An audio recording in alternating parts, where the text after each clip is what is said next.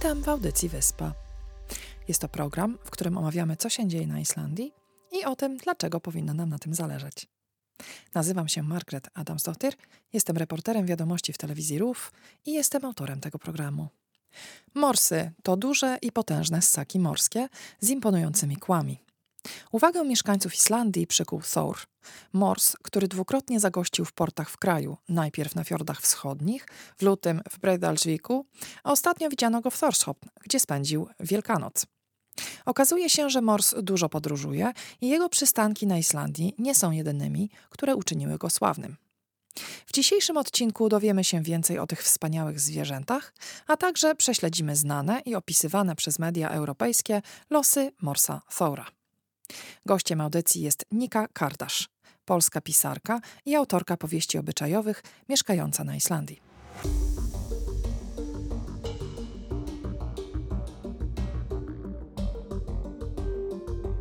Mors, po łacinie Odobenus rosmarus, jest niewątpliwie jednym z najbardziej majestatycznych i rozpoznawalnych zwierząt w regionach arktycznych. Morsy są cenione wśród miłośników dzikiej przyrody na całym świecie. Gatunek ten dzieli się na dwa podgatunki: morsa atlantyckiego, który zamieszkuje Ocean Atlantycki, oraz morsa pacyficznego, który zamieszkuje Ocean Spokojny. Większość morsów żyje tam, gdzie temperatura powietrza wynosi od minus 15 do 5 stopni Celsjusza.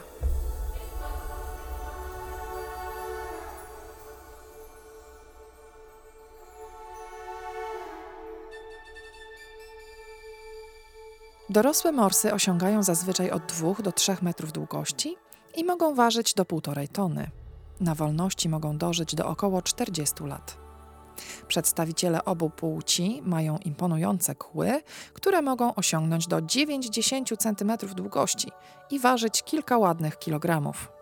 Kły to nic innego jak dwa zęby górnej szczęki zwierzęcia i rosną one około 15 lat. Morsy używają swoich kłów do przecinania lodu i wydostawania się z wody, a także do obrony i aby zademonstrować dominację. Rozmiar kłów pomaga określić status społeczny danego morsa, dlatego najwięcej szacunków w stadzie mają na ogół morsy obdarzone dużymi kłami.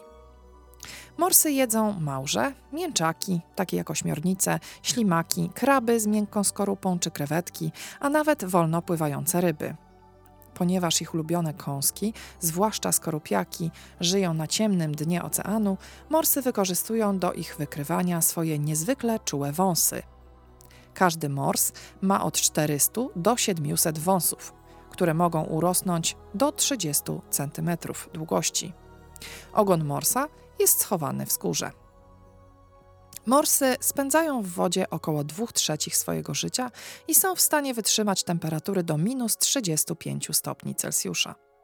Warstwy tłuszczu przechowywane pod skórą pomagają im izolować się od zimna. Są one również w stanie spowolnić bicie swojego serca, aby wytrzymać niskie temperatury, co pozwala im komfortowo żyć w środowisku arktycznym.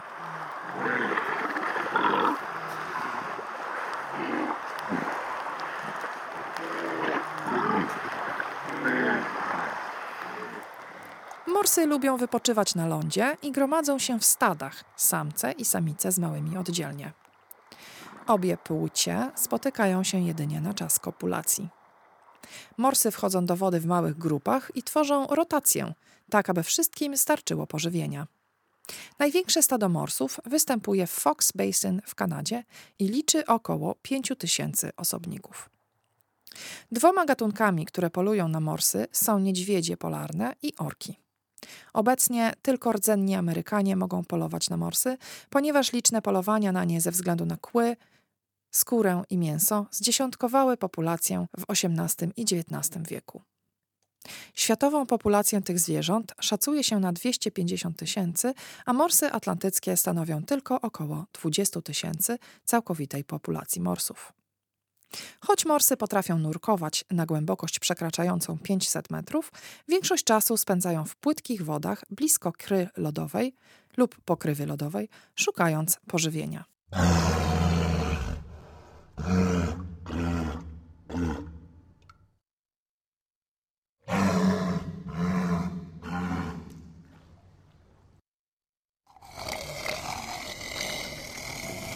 Topnienie lodu morskiego oznacza, że więcej morsów pacyficznych odpoczywa na lądzie, dalej od żerowisk niż naturalnie.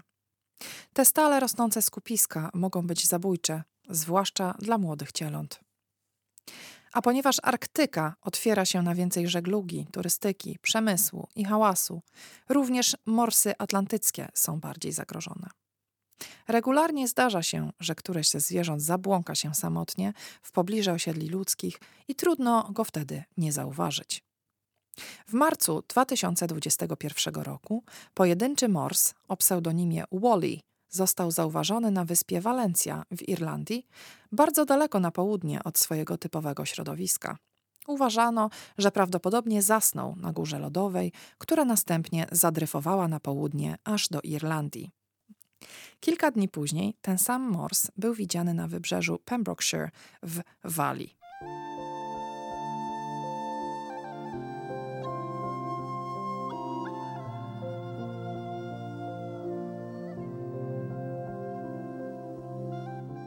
Freya była młodą samicą morsa, która pojawiła się wzdłuż wybrzeży kilku krajów Europy Zachodniej, Holandii, Niemiec, Wielkiej Brytanii, Danii, Szwecji i Norwegii od października 2021 roku. Wszędzie, gdzie się pojawiła, przyciągała uwagę miłośników dzikiej przyrody i szerszej publiczności. Latem 2022 roku odpoczywała na molo w Oslofjordzie, i lokalne władze zdecydowały się ją uśmiercić, gdyż stwierdzono, że stanowiła zagrożenie publiczne. Freya została zastrzelona 14 sierpnia 2022 roku, a decyzja władz została skrytykowana przez wielu znawców i miłośników przyrody. 23 czerwca ubiegłego roku samotny mors został zauważony na plaży Morza Bałtyckiego w Mielnie w Polsce. Portal Puls Mielna poinformował o morsie na swojej stronie internetowej następującymi słowami. Dziś na mieleńskiej plaży pojawił się prawdziwy mors. To prawdopodobnie pierwszy taki przypadek w historii Bałtyku. Podobno chciał zobaczyć, czy jego pomnik przy ulicy Kościuszki ma się dobrze. Inna wersja jest taka, że pomyliły mu się daty, bo chciał pojawić się na międzynarodowym zlocie morsów w Mielnie. W lipcu 2022 roku pojawiło się doniesienie o zagubionym, wygłodzonym morsie o imieniu Stena w wodach przybrzeżnych miast Hamina i Kotka w Finlandii. Pomimo prób uratowania zwierzęcia, zmarło ono z głodu, gdy ratownicy próbowali je przetransportować na leczenie do zoo w Korkesari. Naszego znajomego Morsa Thora po raz pierwszy zauważono w Holandii w listopadzie 2022 roku. Thor jest samcem w wieku co najmniej 3 lat i szacuje się, że waży około 750 kg. Thor został po raz pierwszy zauważony 6 listopada 2022 roku, najpierw w Pechten w Holandii Północnej, a następnie na wyspie Netlie, Jans w Zelandii, po czym podróżował wzdłuż północnego wybrzeża Francji, aż dotarł do Brytanii. W grudniu 2022 roku Thor został zauważony w Calshot, Hampshire, a następnie w porcie Scarborough, North Yorkshire w noc sylwestrową. Władze tego miasteczka zadecydowały nawet o przełożeniu pokazu sztucznych ogni, aby nie zakłócać jego spokoju. 2 stycznia 2023 roku Thor pojawił się w Blythe, Northumberland, a półtora miesiąca później przywitał mieszkańców fiordów wschodnich u nas w kraju. Thor pojawił się na pływającym molo w Breidalsviku w piątek 24 lutego między 9 a 10 rano. Strażnik portowy rzucił mu mrożonego śledzia, ale Mors nawet nie chciał na niego patrzeć. Wyglądał na zmęczonego, co nie jest dziwne po pokonaniu całej odległości z Blythe w Wielkiej Brytanii do Breidalsviku, która wynosi mniej więcej 1360 km. Krótko po tym, jak doniesienia o przybyciu Thora do Islandii dotarły do mediów, został on zidentyfikowany przez Brytyjczyka Dana Jarvisa. Brytyjska telewizja publiczna BBC napisała o podróży Thora do Islandii wkrótce potem, a Brytyjskie Stowarzyszenie Nurkowania i Ochrony Zwierząt oficjalnie potwierdziło wtedy identyfikację zwierzęcia. Thor odpłynął z Breidalsviku w sobotę rano i wtedy uważano, że jest on w drodze na północ. W sobotę wielkanocną okazało się, że przypuszczenia były trafne. Rybak z Thorshop, który wybrał się dziś rano na połów, był bardzo zaskoczony, gdy zastał koło swojej łodzi wielkiego morsa pogrążonego w głębokim śnie. Prawie na niego nadepnął i trochę się przestraszył. Mors nadal leży na molo, a przechodnie mówią, że trochę słabo wygląda. Wydaje się, że mamy do czynienia z morsem Thorem, który w lutym odwiedził Breidalsvik. Thor przepłynął więc kolejne 350 kilometrów. Na początku znowu słabo wyglądał i zachowywał się kapryśnie. Potem długo spał, głośno chrapał i po południu podobno wyglądał już znacznie lepiej. Zaczął rozglądać się wokół siebie i trochę się ruszał. Ułożył się jednak na linię cumowniczej jednej z łodzi rybackich i rybak musiał zrezygnować z zaplanowanego wypłynięcia na połów.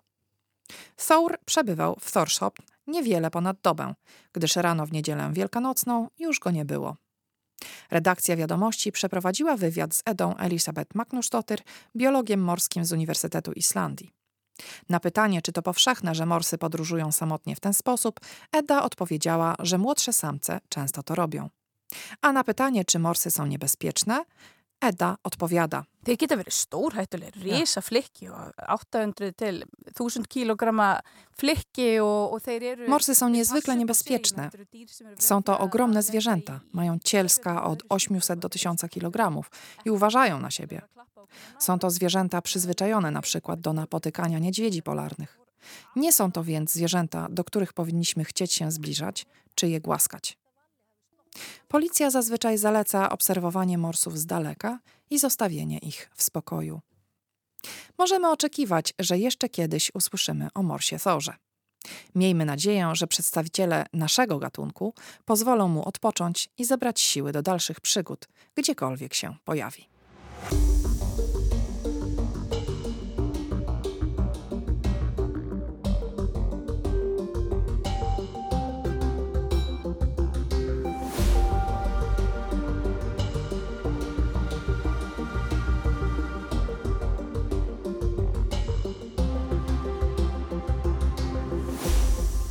Dzisiejszym gościem audycji jest Nika Kardasz, autorka książek obyczajowych. Nika również uczy polskie dzieci w polskiej szkole języka polskiego co sobotę i pasjonuje się tańcem zumby.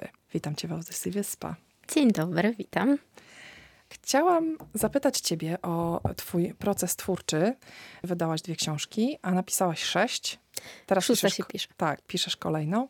Chciałabym, abyś opowiedziała nam troszeczkę o Twoich książkach najpierw, o czym są i dlaczego powinniśmy je przeczytać. Moje książki są o życiu.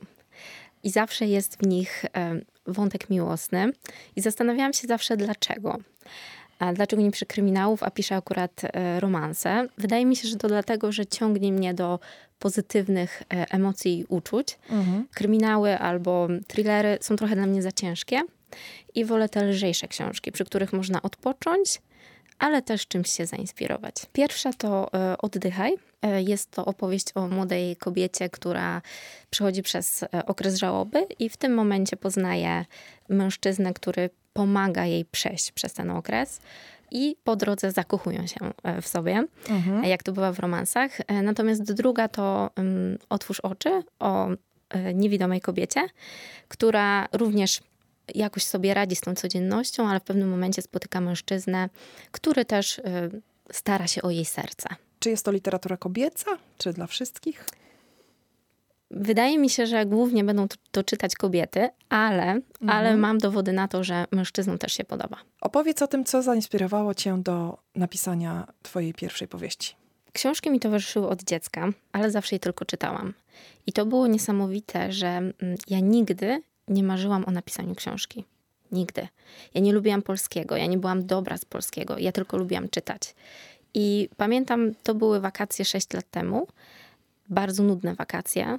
I nagle w mojej głowie pojawiła się myśl, napiszę swoją książkę.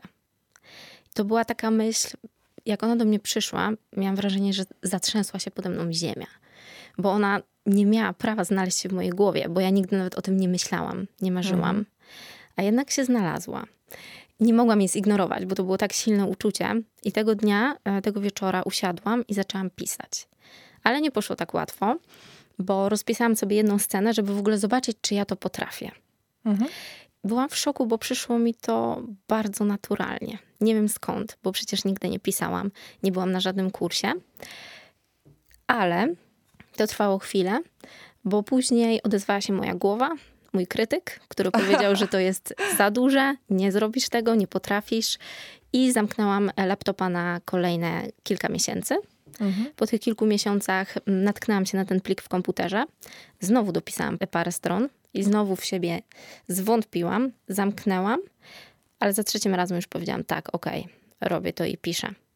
Więc to też jest trochę taka historia, historia o tym, że jeżeli przychodzi do nas jakieś pragnienie albo marzenie, naprawdę warto dać mu szansę, spróbować chociaż to zrobić, a nie od razu się na nie zamykać. Potem zaczęłam pisać. Oczywiście do szuflady. Nawet mi do głowy nie przyszło, że ja to mogę wydać. Ja to robiłam po prostu dla siebie, ale to też było związane z bardzo ciężkim okresem w moim życiu, bo mm, pracowałam w takim miejscu, które czułam, że tam się marnuje. To w ogóle nie była moja bajka. I to pisanie było taki, jak taki jasny promyczek w ciągu dnia. Mhm. Ja to robiłam, bo ja to lubiłam robić. Wstawałam codziennie o 5 rano, pisałam godzinę przed pracą, bo po pracy byłam za bardzo zmęczona. I z czasem zauważyłam, jak mi to dobrze idzie. Może ta historia ma szansę być wydana. No mhm. i rzeczywiście tak się stało. Trudno było znaleźć wydawcę? Właśnie, i tutaj jest tak, że pisanie książki, a wydawanie to są zupełnie dwie inne rzeczy. Mhm. Jak pisanie e, idzie jak po maśle, że tak powiem, to wydawanie już nie. To jest trochę jak pójście w góry i wchodzenie na naprawdę wysoką górę. I ja jako debiutant złapałam się w tą pułapkę i zaufałam niewłaściwemu wydawnictwu, okay. które oczywiście wydało moją pierwszą książkę, ale zablokowało pozostałe dwie, bo Oddychaj miało być serią trzech części. Nauczyłam się na tym e, dużo. Szukam teraz nowego wydawcy do tych opowieści, ale po drodze napisałam jeszcze inną powieść, która została już wydana w innym wydawnictwie to wydawnictwo no, potraktowało cię normalnie, czyli wszystko tak, poszło dobrze. Tak, tak. To w ogóle już była też osobna historia, bo ja mm, pisałam opowieść na konkurs literacki. Mhm. To było szalone. Czas do napisania to były tylko dwa miesiące. Mhm. Byłam już wtedy na Islandii i zastanawiałam się, jak ja mam to zrobić. I obliczyłam sobie, że załóżmy, książka ma mieć 300 stron. Mhm. Obliczyłam, ile muszę napisać dziennie, żeby zdążyć. To zrobiłam, naprawdę. Wow. Udało mi się. Pamiętam, było chyba tydzień przed ogłoszeniem wyników konkursu i ja już wiedziałam, że ja tego konkursu nie wygram. Miałam mhm. takie silne przeczucie w sobie. Wiedziałam, że ta historia, którą napisałam jest tak fajna, że ja sobie poradzę i wydam ją gdzie indziej. A być może osoba, która ma wygrać ten konkurs, bardziej tego będzie potrzebować. I rzeczywiście się tak stało. Ja tego konkursu nie wygrałam, ale zgłosiłam się do innych wydawnictw i mniej więcej po miesiącu odezwało się takie, które już dobrze zaopiekowało się moją książką. I rozumiem, że to samo wydawnictwo będzie się opiekować kolejnymi Twoimi książkami. Tak, i kolejna wyjdzie już za miesiąc, a następna w grudniu. Możesz nam zdradzić coś więcej na temat tych powieści, które wyjdą? Ta, która wyjdzie w maju, to będzie kontynuacją Otwórz oczy, która została wydana w październiku więc e, będą to kontynuowane losy tych bohaterów z pierwszej części. Natomiast książka grudniowa to będzie książka świąteczna. Będzie ona niezwykła, ponieważ będzie działa się na Islandii. Mhm. Pomyślałam, że skorzystam z tego miejsca, skoro tutaj jestem. Jest tu mnóstwo inspiracji.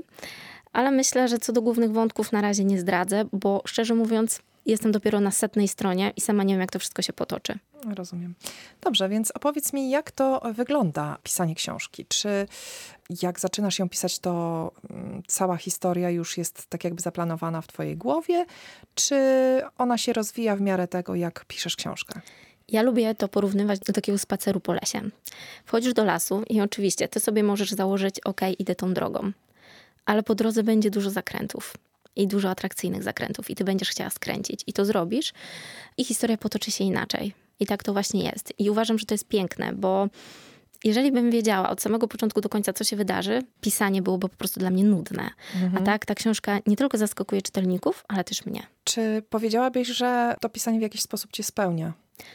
Oj, i to bardzo.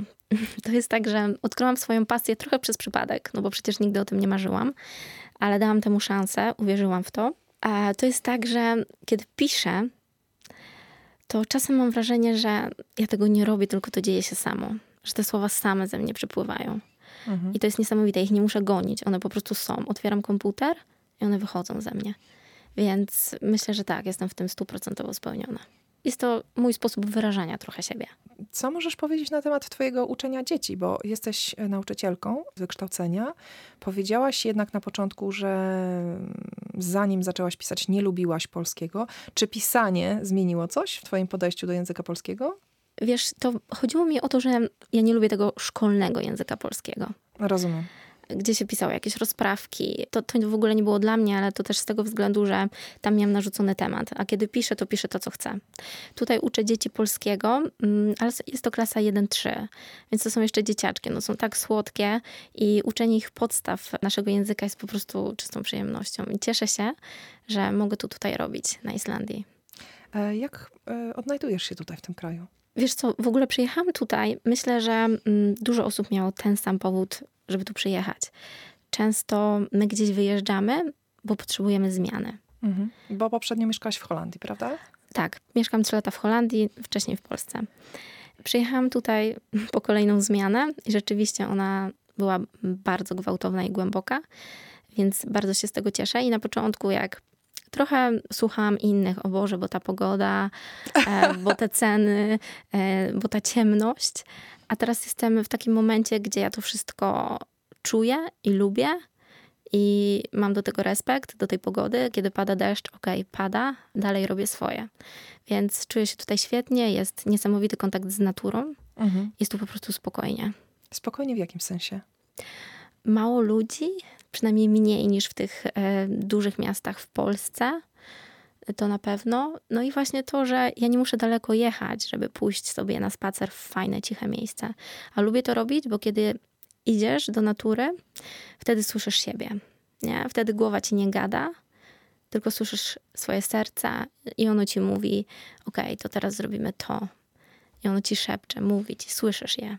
Masz mhm. szansę je usłyszeć. Porównując y, te dwa kraje, w których mieszkałaś, myślisz, że ten kraj daje ci więcej? Myślę, że to nie jest tak, że jak się kraj ci daje więcej. To jest tak, czy ty bierzesz więcej. Mhm. Wszystko zależy od ciebie. A to są tylko jakieś tło z tyłu. Może daje ci jakieś szanse, ale co jeżeli nie masz odwagi, żeby z tych szans skorzystać? Więc tak naprawdę nieważne, gdzie jesteś, to wszystko zależy od ciebie. Wspaniała odpowiedź. Słuchaj, wracając do przyziemnych tematów, czy będąc autorką powieści obyczajowych, da się z tego wyżyć? Na ten moment powiem ci, że nie, mhm. ale chcę zrobić wszystko, żeby, żeby odpowiedzieć ci kiedyś tak. Aha.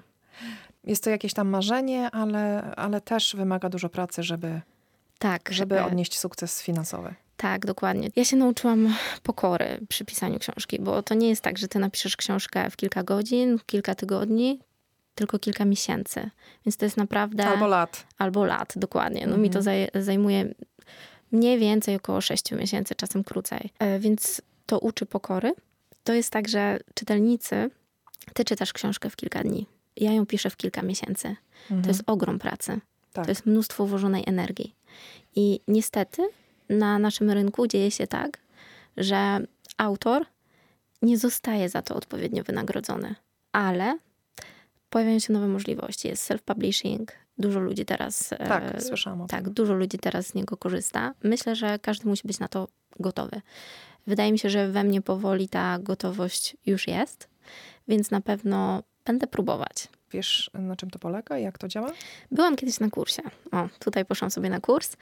Wydaje mi się, wiesz, ja zaczęłam pisać książki i nie wiedziałam, jak się je pisze. Ja to mhm. wszystko robię bardzo intuicyjnie i dostaję pomoc z wielu stron. Na mojej drodze pojawiają się naprawdę przeróżne osoby, które mi po prostu pomagają w tym. Wiem, że jeżeli się za to wezmę, to też tak będzie. Mhm. W momencie wydawania książki ona wychodzi na papierze e, w jakiejś ilości egzemplarzy? Czy jest więcej tego papierowego wydania, czy więcej e-booków, audiobooków? Jak to się kształtuje? Czego ludzie kupują najwięcej w tym momencie? Ludzie lubią książkę dotknąć, powąchać. Prawdziwą. Czyli, tak, czyli, czyli tutaj najwięcej idzie, schodzi ten papier. I pamiętam, jak zobaczyłam swoją książkę w Empiku. Mhm. I stałam przed tą e, półką i myślę, o Boże, nareszcie, nie mogłam w to uwierzyć. Ale co do mnie dotarło, że cieszyłam się chwilę, a później zrozumiałam, że o nie, to w ogóle nie o to chodzi. To jest efekt końcowy, ta książka tam w tym Empiku. Mhm. A ja jestem zakochana w całej tej drodze.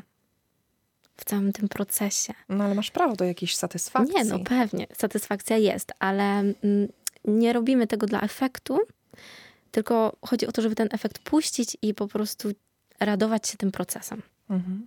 To jest całość, nie? Tak. Czyli nie robisz tego dla pieniędzy, Nie. krótko mówiąc. Nie.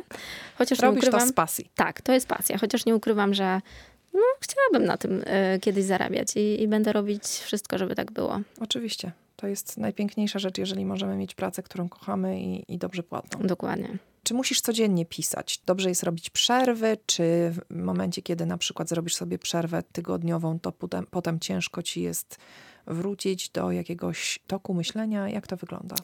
To wszystko jest bardzo intuicyjne, chociaż nie ukrywam, że lubię, kiedy jestem w historii cały czas. I nawet jeżeli zdarzają mi się takie przerwy, załóżmy tygodniowe, bo jadę gdzieś na wakacje, chociaż nie piszę, ta historia i tak dalej we mnie żyje, nie? Gdzieś tam się inspiruję, zobaczę coś fajnego i myślę, o okej, umieszczę to w książce. I to jest fajne, bo jak czytelnik czyta kilka dni, ja jestem z tymi bohaterami kilka miesięcy i, i naprawdę to o, o, o wiele, wiele mocniej wszystko przeżywam. Ale staram się pisać codziennie, żeby codziennie mieć, mieć ten kontakt. A jak twoja rodzina, przyjaciele zareagowali na, na ten twój sukces? Wiesz co, mm, to w ogóle fajnie się zaczęło, bo kiedy ja to zaczęłam robić, to ja nikomu nie powiedziałam. Dlatego, że ja nie byłam pewna, czy ja to potrafię robić. I myślę, że to jest dobre posunięcie dla wszystkich, którzy zaczynają coś robić i nie wiedzą, czy będą w tym dobrzy. Więc oni muszą się w tym osadzić. Więc fajnie jest na początku zrobić z tego małą tajemnicę, a później, kiedy czujesz się już w tym dobrze, to po prostu możesz o tym powiedzieć. I ja, e, oczywiście mój partner wiedział, bo jak wstawałam codziennie o 5 rano, no to on widział, co ja robię, on sobie spała, ja tam na komputerze pisałam książkę. Później powiedziałam bratu, a mamie to w ogóle powiedziałam na końcu, już e, jak już ona została napisana, żeby zrobić jej niespodziankę. Ale bardzo mi też pomogła moja przyjaciółka, bo kiedy ją napisałam, ona jako pierwsza ją przeczytała. Powiedziała mi, że to jest świetne, że powinnam to wydać i no tak dmuchnęła mi trochę w skrzydła, nie? Myślę, że zaskoczyłam wielu ludzi. To jest na pewno bardzo satysfakcjonujące. Jakie są twoje plany na przyszłość? Jak widzisz swoje pisanie dalej? Ja się nauczyłam tego, że my nie możemy trzymać się rzeczy kurczowo. Ja pamiętam, jak tańczyłam zumbę i ja już sobie wyobrażałam, że będę robić to do końca życia. A teraz powoli czuję, że to już ten rozdział jest już za mną. Otwiera się przestrzeń na coś nowego. Ale dalej tańczysz, tak? E, tańczę, tak, ale teraz bardziej skupiam się na pisaniu, więc dominuję. czyli zumba jest takim hobby. Tak, tak. Gdzieś tam zeszła trochę bardziej na bok. Więc pisanie, okej, teraz jest na pierwszym miejscu, ale szczerze mówiąc nie wiem, jak będzie. Nie chcę się do tego zmuszać i deklarować, że o Jezu, będę to robić do końca życia. Może będę, nie mam pojęcia. Ale raczej traktuję to tak, zobaczymy, o. Kiedy mm, wyjdzie twoja kolejna powieść? 30 maja.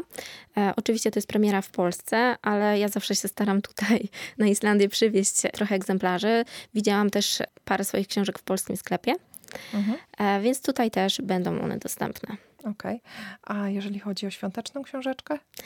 Nie znam daty premiery. No, jeżeli ma Ale być przed świąteczna, świętami. tak, bo ma być świąteczna, więc myślę, że będzie przed świętami i no, będzie bardzo ciekawa, no bo w końcu, w końcu będzie tam Islandia. Mhm, czyli będziemy mogli się e, zanurzyć e, z powieścią pod kocykiem, trzymając ciepłe kakao w zimne islandzkie święta sobie przeczytać. Tak, ja zawsze jak piszę książkę, ja zawsze tam wszystko opisuję, jak czuję, no nie? I tak też przedstawię tutaj tą Islandię.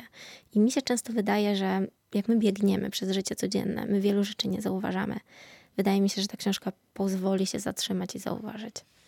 Tymi pięknymi słowami zakończymy nasz wywiad. Dziękuję ci bardzo Dziękuję. za studia.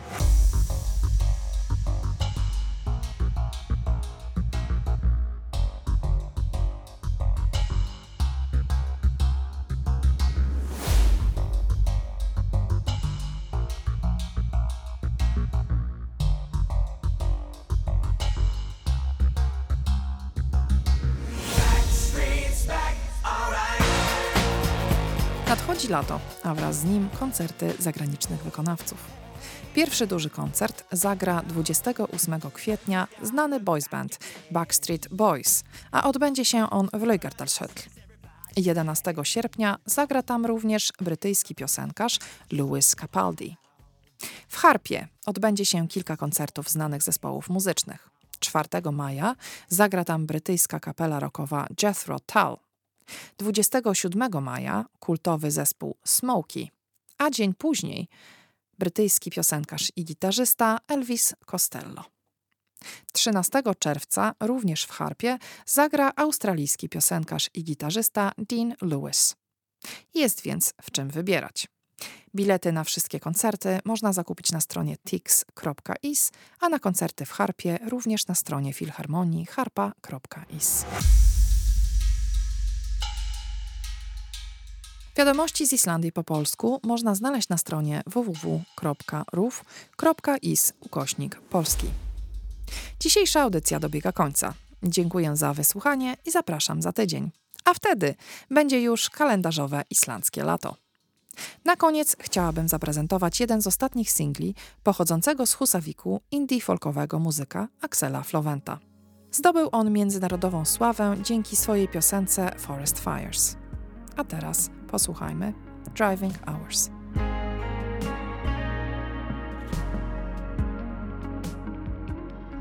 Now you're here, still looking inside my mind. What a pretty smile. And I care for your words. So I didn't see you at all this year. But I still think I know you well. And it's not what your mind is saying. It I don't care at all.